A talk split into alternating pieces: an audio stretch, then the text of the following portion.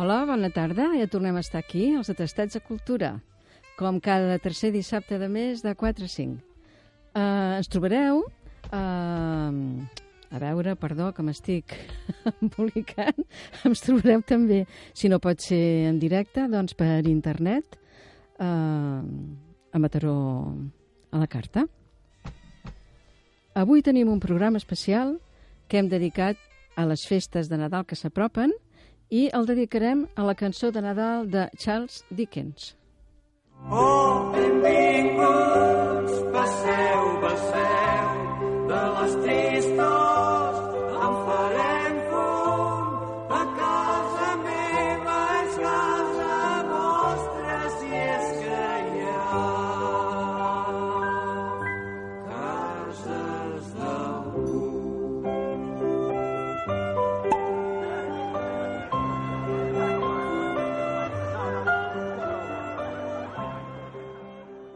Després de la sintonia de convidats ja tornem a estar aquí i avui tenim eh, com a convidada a Maria Samplà, filòloga, escriptora, nascuda a Cal Senyor de Vilassar de Dalt, però actualment viu a la vila d'Argentona. Va venir fa un temps a presentar la seva magnífica i primera novel·la El silenci de les cases, ambientada en masos rurals del Maresme, i també va col·laborar en Tastets de Cultura en el programa que vàrem dedicar fa un temps a la Mercè Rodoreda. Bona tarda. Bona tarda. I també tenim com a col·laboradors a Manel Morral, Carles Peidro, Guifré, Tarra Guifré Tarragó, eh, Marissa Cardenal, que posaran veu als personatges de la cançó de Nadal. Bona tarda a tothom. Bona tarda. Bona tarda, Eva. Bona tarda.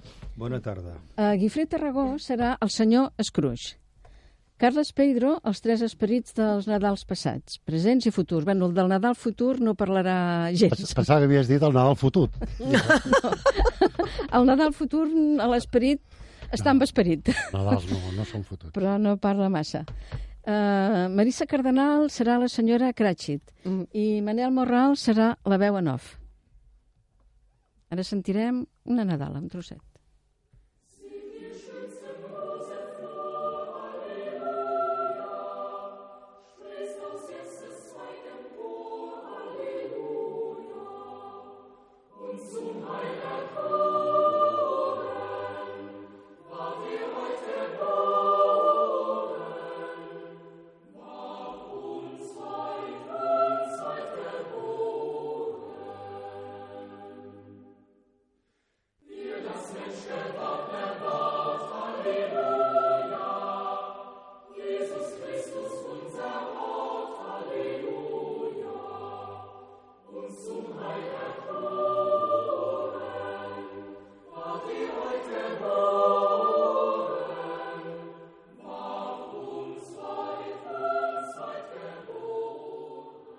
Uh, bona tarda, Maria.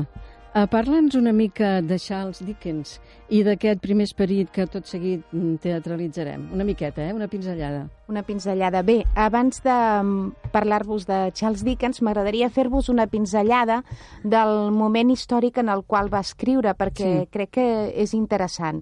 Bé, Charles Dickens és el cronista d'un país i d'una època, concretament de l'Anglaterra victoriana. Eh, pensem que és una Anglaterra esplendorosa que havia completat la seva revolució industrial i que es convertia en primera potència mundial. Uh, per només dir-vos una dada, el 1830 uh, és l'època del ferrocarril i passem de l'Anglaterra rural a la burgesa i a la industrial. En aquesta societat és molt interessant saber que neix una nova classe social, que és la burgesia, que se separa molt de la classe social dels aristòcrates i també doncs, del, del que era el poble baix o, o els pobres, perquè queden molt separats. Fixeu-vos que aquesta nova classe social, la burgesia, aplega 5 milions d'anglesos de 25 milions, que és la població, o sigui que és molt, no? Sí. I en aquí podem trobar sectors diferents com són els financers, banquers, botiguers, metges, advocats, usurers... O sigui, tota una classe social emergent. Aquesta burgesia, amb el pas del temps, el que fa és imposar la seva manera de pensar. Són una gent molt puritana, però alhora són una gent també molt hipòcrita, que amaga moltes coses, eh? I, però que s'acaba imposant. Bé, també us volia dir que Londres en aquests moments de l'Anglaterra victoriana creix d'una manera espectacular a causa de la revolució industrial. L'any 1801 tenim un milió d'habitants i el 1850 s'acosta als dos milions i mig. Clar, això vol dir que està creixent moltíssim i comporta un urbanisme caòtic i mancat de tota previsió. Eh? I mentre la burgesia aquesta que neix s'enriqueix, al costat les classes pobres el que fan és cada vegada ser més pobres, més miserables, eh, no tenen accés a res, és aquestes imatges típiques que tenim del Londres, Sí, sí. ple de boira, fred, Tan pobre, trist. brut, Mm. eh? doncs tenim això. Charles Dickens el que farà és, des del principi, començar a denunciar aquest Londres, aquest que no es veu, que la classe aquesta mitjana i aristocràtica ni li interessa ni vol veure. Eh? Llavors, un cop dit això, sí que m'agradaria ja parlar-vos d'ell, no? Ell neix precisament en aquesta, en aquesta burgesia, el seu, el seu pare és funcionari, però a causa d'un deute que contrau va a parar a la presó. Llavors, en aquells, en aquells temps, si ell anava a la presó, el que era la seva dona i els fills petits també van anar amb ell.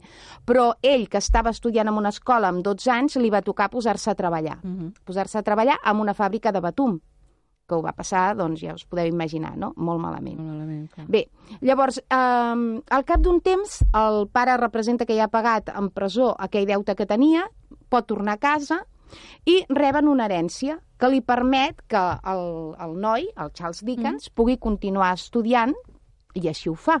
Tot i que de seguida acaba i ell aprèn molt de manera autodidacta, tot i que va a l'escola, eh? Llavors ja comença, és un noi molt espavilat i ja comença a posar-se a treballar. Primer treballa doncs, amb un passant d'advocat, després treballa de periodista i en aquí ja li comencen a dir que vagi escrivint unes, mm, com una mena de postals costumistes, que ho feia amb humor i així, però comencen a néixer alguns dels seus personatges, com l'Oliver Twist, per exemple, Sí. no? que ja comencen a néixer en aquests moments. I, bueno, ell va, mm, va escrivint, la seva il·lusió és tenir una revista, Um, la- un editor que coneix li diu, bueno, doncs jo et finançaré aquesta revista, és un fracàs, no funciona bé, però el que també fa aquest editor és donar-li la possibilitat, que era molt, era molt habitual en aquell temps, de dir, les novel·les les publiquem en capítols mensuals. Sí, sí. Eh? I ho van fer així. Ell anava publicant la, les seves obres en capítols mensuals, cosa que en principi estava, per la gent culta de l'època, publicar d'aquesta manera era com dir, ah, és que no tens categoria, no? Perquè era com de fulletó. Però ell tenia tanta riquesa i en sabia tant d'escriure que va elevar Sí. aquesta mena de novel·la fulletinesca Mm. doncs, a la categoria de novel·la de qualitat, no? Lògicament. Bé, quan ja és una mica més madur, l'envien de corresponsal als Estats Units. I en aquí, bueno, es casa, es casa amb la filla de l'editor, i en aquí sí que és interessant veure que quan torna dels Estats Units comença un cicle que és el cicle de Nadal, on escriu el Christmas Carol, que és la cançó de Nadal Sí. que, que Que precisament ara avui en parlem. Eh? perpetrarem. Exactament. Penseu que quan l'escriu té 31 anys. Ell va morir als 58, als 31 Jove anys. morir. Sí, en aquesta època, 31 anys, podem dir que ja era madur. Eh? Ara diríem, és un nen, però, sí. però llavors no, eh? I un de 58 era ja un ancià, suposo. Exacte, sí, sí, sí. Llavors, um, sobre la cançó de Nadal, el que sí és interessant és que ens adonem que és possible que no hi hagi cap altre autor que hagi contribuït més que Dickens a establir la imatge de Nadal tal i com la veiem ara. Eh? Ell és el que ens ha donat tots aquests elements de, que tenim ara en el Nadal, no? que és el, eh, el caliu de la casa, la solidaritat, um, el menjar i el beure Sí. dintre de les possibilitats, um, que estiguis al voltant de la llar de foc amb la família i els Mm. amics, que siguis més bo que en un altre moment de la vida. No? Sí. Tot això mm, va ell diguéssim, insistir a través de la seva obra perquè, perquè això quedés reflectit i es veu que ens ha agradat perquè, bueno... Perquè encara- segueix. encara seguim, eh? El 1843, quan publica l'obra, ell el que fa és denunciar a través d'una història nadalenca les mancances de les classes pobres. Penseu que ho fa durant tota la vida, eh, d'escriptor. Denunciar tot allò que ningú no vol veure. I sobretot dels infants, Sí. perquè ell també s'hi va trobar Clar. en una situació així, eh? Llavors, així, a, a, a títol petit, us diré que el, el David Copperfield, Sí. doncs eh, hi ha moltíssims moments que són autobiogràfics. Eh? Vull dir, si, si us el llegiu, doncs veureu que hi ha molts moments que són els seus moments. Bé, quan publica l'obra aconsegueix un èxit rotund, eh? Mm, des del principi, i no només pels nens, sinó també Els pels grans. grans. Eh? L'explica, la història, perdó, ens explica la conversió d'un enemic de Nadal que es converteix en una crida a la caritat i a l'alegria, no? Ell sempre defensa la benevolença. Uh -huh. D'acord? Llavors, no vull avançar res No, més no, no. perquè, perquè sé que vosaltres Perquè teniu aquí coses preparades Sí, i crec que m'aturo aquí. sí. Eh? I ara començarem amb el primer dels tres esperits. Endavant amb els esperits.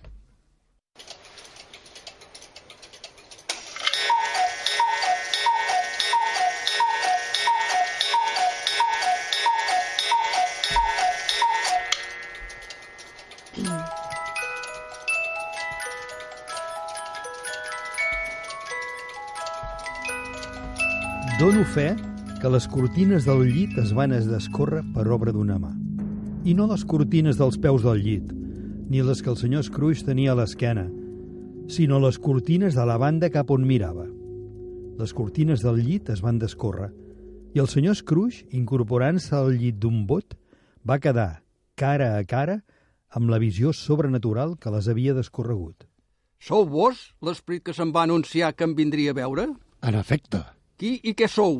sóc l'espectre dels Nadals del passat. D'un passat llunyà? No, del teu passat. Quin assumpte t'ha fet venir? El teu bé. Ara, para atenció. Aixeca't i acompanya'm.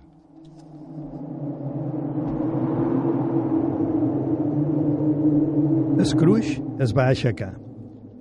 Però quan va veure que l'esperit s'encaminava cap a la finestra, se li va aferrar la túnica amb un gest suplicant. Sóc un mortal i cauria. Tu deixa'm que et toqui amb la mà aquí sobre el cor i et sostindré en això i més. Van travessar la paret i van arribar a sortir a un camí de carro amb camps a banda i banda. Valga'm Déu, jo vaig néixer aquí. Aquí vaig passar la infància. Els llavis et tremolen. I això que tens a la galta, què és? Ah, és un gra, però porta'm allà on m'hagis de portar. Recordes el camí? Eh, Si el recordo, el podria fer amb els ulls empanats.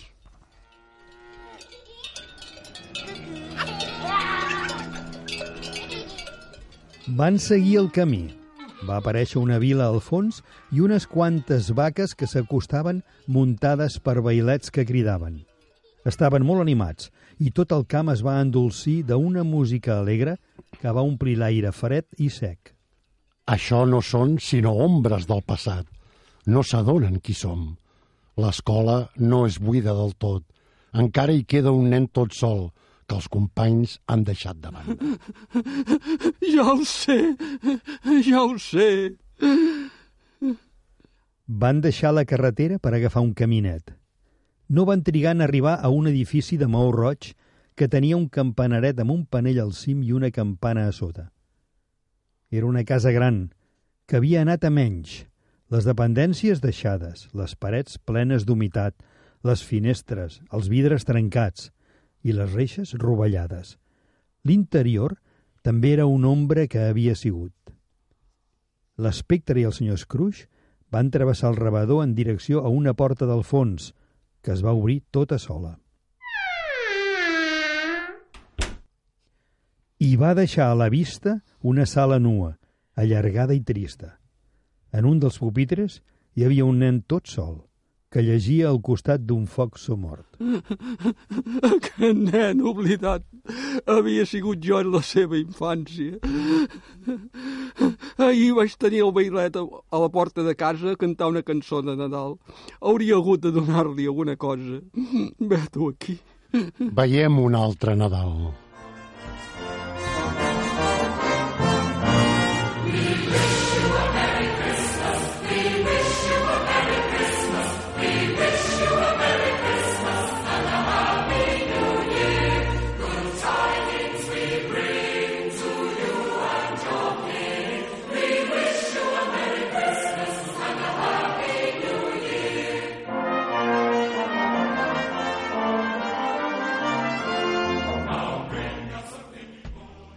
Bé, ara començarem amb el segon dels tres esperits.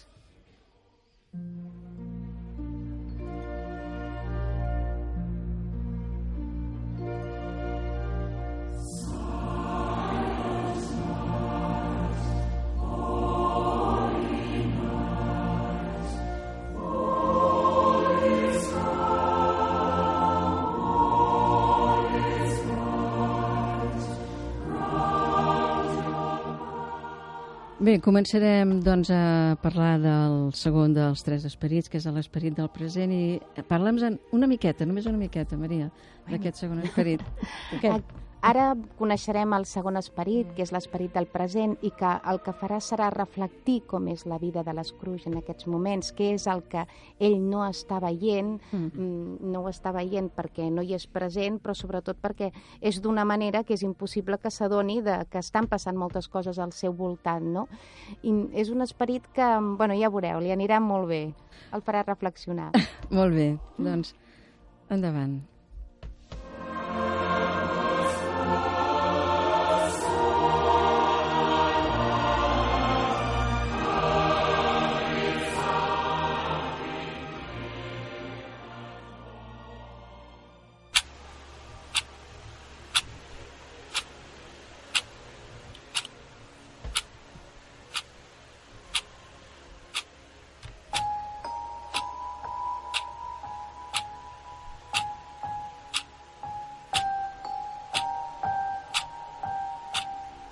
Endavant, endavant. No et diguis por, home. Sóc l'espectre del Nadal present. Mira'm. L'Escruix va obeir. L'espectre anava vestit amb una senzilla túnica verda que tenia una vora de pell blanca. Tenia tot el pit al descobert. Els peus els tenia nus i li cobria el cap una corona de grèvol que tenia sembrada amb petits caramells de glaç. No m'havies vist mai. No mai. No he sortit mai a fer un vol amb els meus germans més joves? Em refereixo, perquè jo sóc molt jove, als germans més grans que jo que han nascut aquests últims anys. Mm, diria que no. No, em fa l'efecte que no. Heu tingut molts germans, Esperit? Més de 1.800. Em, esperit, em podeu portar on us plagui. Aquesta nit passada vaig sortir de casa obligat i vaig aprendre una lliçó que noto que començar a obrar dintre meu. Si aquesta nit teniu res per ensenyar-me, feu que en tregui profit. Doncs agafa't a la túnica.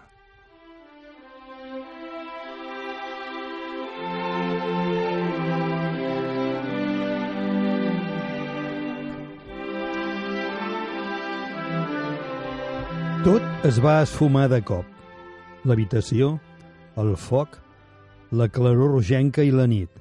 I de sobte van aparèixer al mig de la ciutat al matí del dia de Nadal, on, com que el temps era gèlid, la gent feia una música aspra, però animada i gens desagradable a l'orella, traient la neu de la vorera de davant de casa i dels terrats, d'on queia el carrer com una massa inerta que esclatava en forma de borrufades artificials per a deliri dels infants. Els campanars no van trigar a cridar a tothom perquè acudís a les esglésies i tothom se n'hi va anar. L'espectre es va encaminar de dret cap a la llar de l'escrivent del senyor Scrooge, amb el senyor Scrooge darrere, agafat a la túnica. De cop va aparèixer la senyora Cratchit, la dona d'en Bob Cratchit, pobrament avillada, acompanyada pels seus fills. Què fa el vostre pare que no ve? I el vostre germanet, en Tenitim? I la Marta, que el Nadal de l'any passat va arribar mitja hora tard. La Marta ja ha arribat, mare. Visca! Ja veuràs quina oca. Marta! Ahir a la nit ens va quedar molta feina pendent, mare. L'hem hagut d'acabar aquest de matí. Bé, l'important és que ja siguis aquí. Va, seu-te a la vora del foc, filla, i escalfa't, fes el favor. No, no, que arriba el pare. Com s'ha portat en Tim? com un àngel, però a estones es queda tot moix, de tant estar sol, i se n'hi acuden les coses més estranyes que et puguis imaginar. Ara, en tornar, m'ha dit que esperava que la gent de l'església l'hagués vist, perquè és esgarrat i els podia alegrar recordar el dia de Nadal aquell que va fer caminar els paralítics i va obrir els ulls als secs.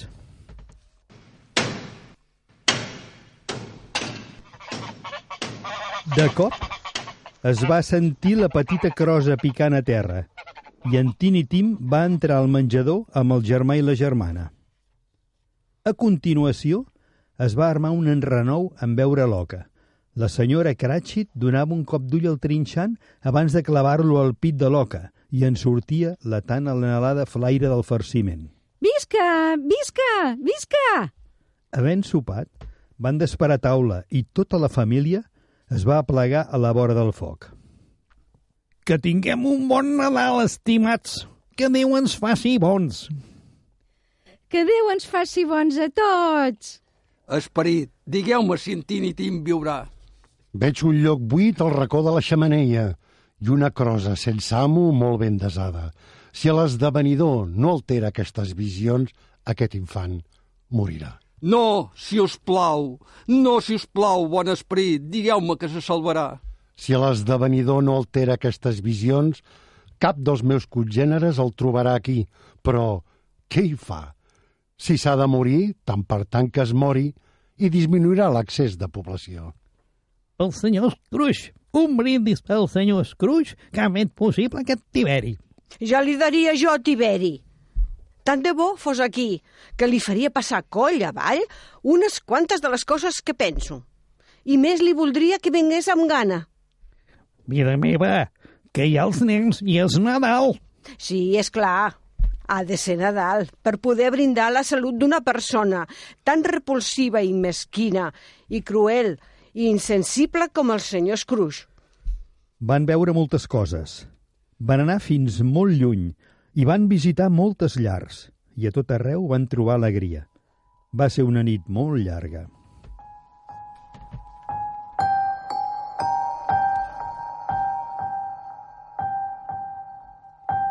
L'espectre havia envellit visiblement i el senyor Scrooge havia advertit aquell canvi, però no en va dir res fins que va mirar l'esperit mentre eren a l'aire lliure i va veure que tenia els cabells blancs. Tan curta és la vida dels esperits? La meva vida en aquest món és molt breu. Se m'acaba aquesta nit, Aquesta nit? aquesta mitjanit. I ara, escolta, que l'hora s'acosta.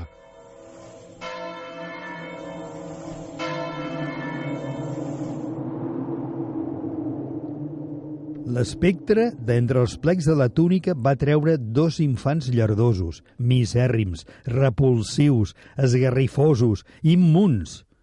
Tots dos se li van agenellar als peus i se li van aferrar al vestit. Què et sembla? Mira-te'ls bé. Són vostres, esperit? Són del gènere humà. El nen es diu ignorància, la nena es diu dissort.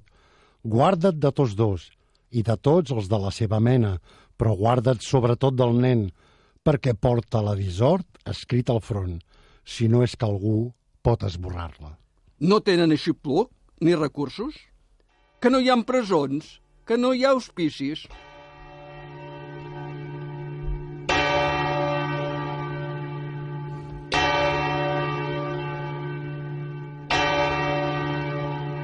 El senyor Scrooge va buscar l'espectre amb la mirada, però no el va veure en lloc.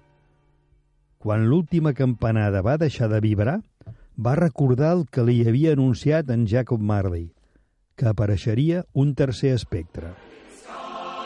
Uh,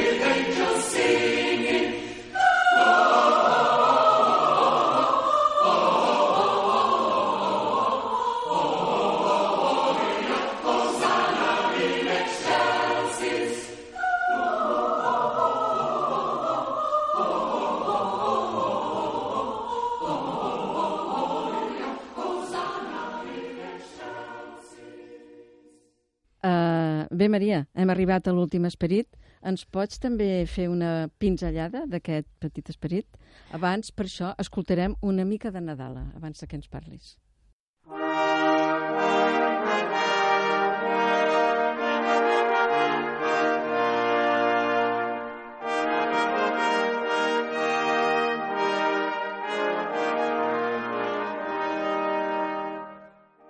Bé, això ha sigut una mica per ambientar-nos, eh? Sí. Parla'ns una miqueta d'aquest últim esperit. No, aquest últim esperit és ja el definitiu, el que farà que l'Scrooge mm, s'adoni de com està fent les coses i que segurament encara està temps de canviar-ne algunes, perquè realment el futur que se li presenta mm, és mm, dolent, molt dolent. Per tant, val la pena de, de sentir-lo, aquest esperit, perquè és molt interessant. Doncs endavant amb Vinga, el endavant. tercer esperit.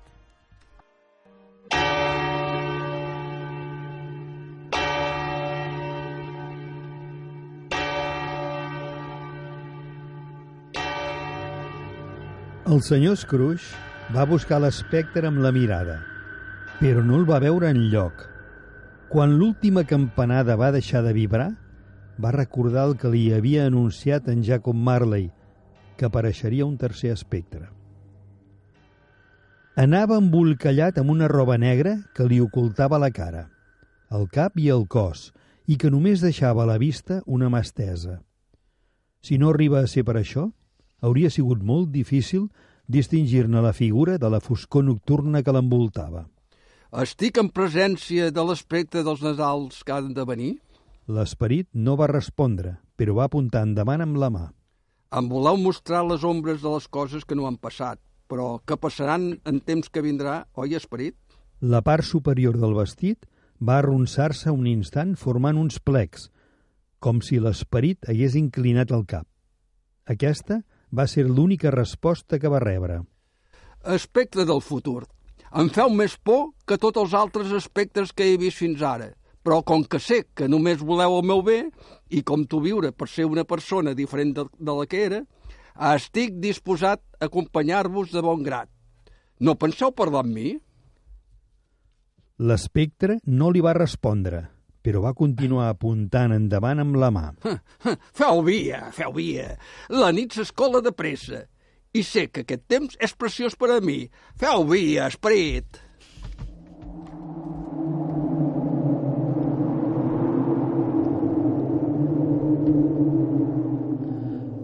El fantasma es va allunyar.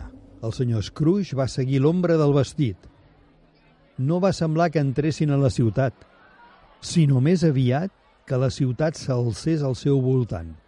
I de cop van ser al rovell de l'ou, a la llotja, enmig dels comerciants que s'atrafegaven amunt i avall i feien dringar les monedes dintre la bossa, i conversaven en grups, i miraven el rellotge, i jugaven distretament amb els seus grans segells d'or, tal com el senyor Scrooge els ho havia vist fer tan sovint. L'esperit es va aturar al costat d'uns quants homes de negocis. Veient que els apuntava amb la mà, el senyor Scrooge s'hi va atensar per sentir el que deien. Un home gros, amb una gran papada monstruosa, va dir No, no sé res més. Només sé que és mort.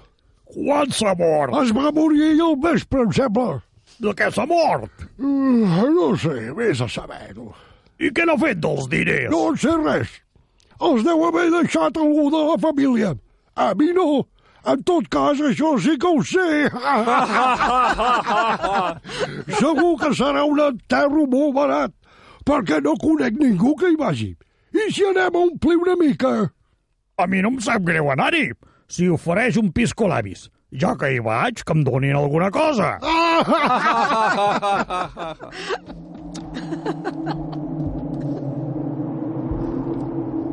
Era un cementiri. Allà, doncs, reposava sota terra el pobre home de qui ara sabria el nom. Era un lloc escaient, ofegat per les cases que l'envoltaven, envaït per les males herbes. Un indret on senyorejava la mort, no la vida. Sadoll de sepultures, fart de massa pitança. Un lloc escaient. L'esperit es va aturar enmig de les tombes i en va assenyalar una. Abans que m'acosti a la làpida que assenyaleu, vulgueu respondre una pregunta i prou. Això són les ombres de les coses que s'esdevindran o bé només les ombres de les coses que pot ser que s'esdevinguin? L'espectre es va limitar a continuar apuntant la tomba que tenia als peus. El senyor Scrooge s'hi va acostar a poc a poc, tremolós i, seguint la direcció del dit, a la làpida de la tomba abandonada i va llegir el seu propi nom. Ebenezer Scrooge. Sóc jo aquell home que havia estirat el llit? El dit es va apartar de la tomba per assenyalar-lo a ell i va tornar a assenyalar la tomba. No, si us plau, esperit, no! El dit no es va moure.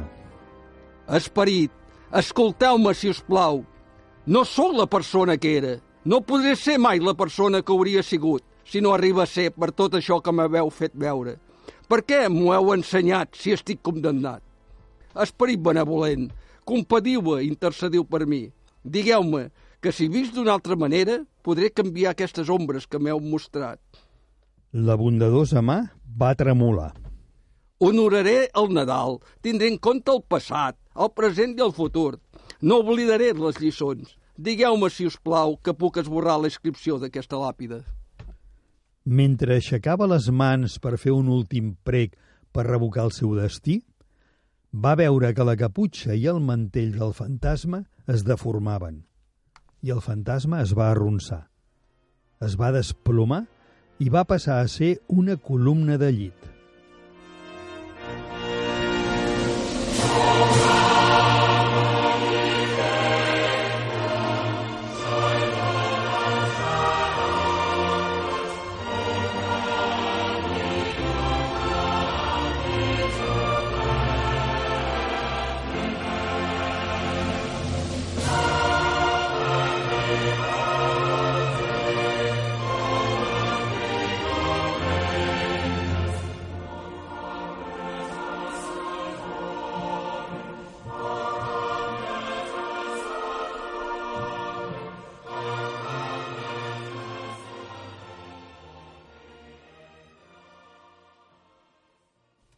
Bé, fins aquí la cançó de Nadal, que esperem doncs, que hagi agradat moltíssim als nostres oients i de la manera que han actuat aquí els nostres actors. I ara voldríem parlar una miqueta... Ara ja podem tossir Sí. tots.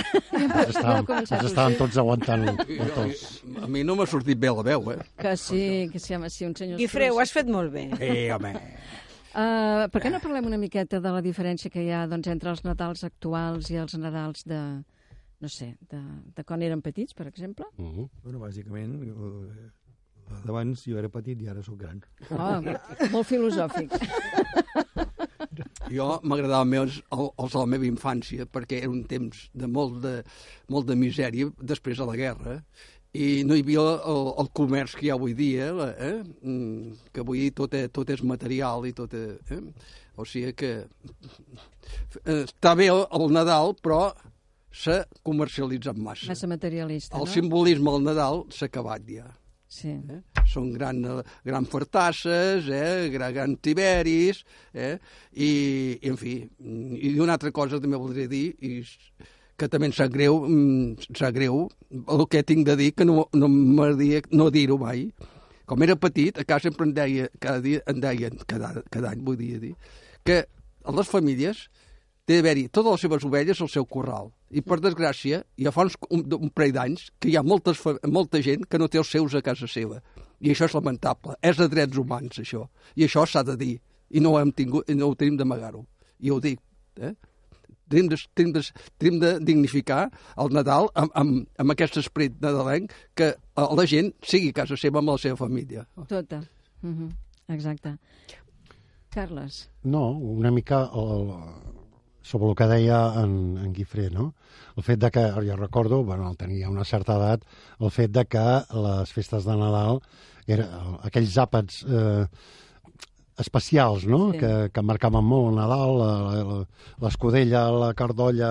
No vol dir que la resta de l'any, almenys quan jo era petit, no es pogués menjar, però realment s'esperava molt el Nadal per Sí. poder fer aquesta festa. Sí. I també un tema molt important, que no sé fins quin punt també s'ha perdut o es veu d'una altra manera, que és el fet de retrobar o de juntar la, la família, diguem, Mm. no?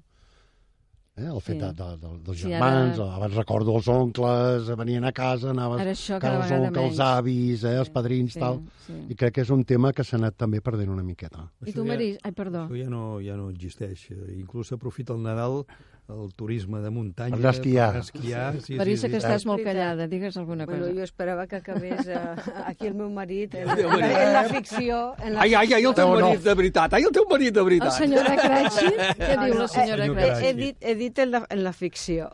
Digues, vida meva, ja pots enraonar. Deixo que parlis. Ai, vés a parar, home! No, bromes a part. No, uh, això que dèieu de, de les...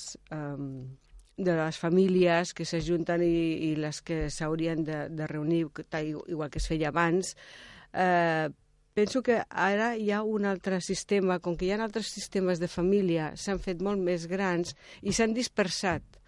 Aleshores, mm. Mm, és normal que no, hi, ha- eh, que no hi hagi aquesta, eh, eh, aquesta, mm, aquest caliu Sí. que hi ha en la família que representa, que era la d'abans. Jo crec que sí que existeix aquest caliu encara. El que passa que està més dispersat, simplement. I mm, un altre... Sí, volia dir una altra cosa, però se m'ha passat. Uh, què volies dir, Manel? Ets un optimista. Eh?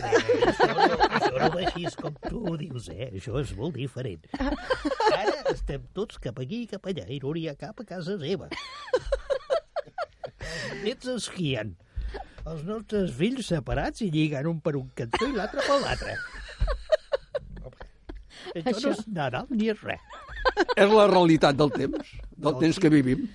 Per això dic, o sigui, jo el que volia reivindicar eh, el fet de que ara no és que sigui tan dolent, mm, que abans era bo i ara no és bo. No, a, a, avui encara és bo. El que passa que ha altres maneres, hi ha altres tipus de famílies, que ja no és el pare, la mare, els fills i els avis.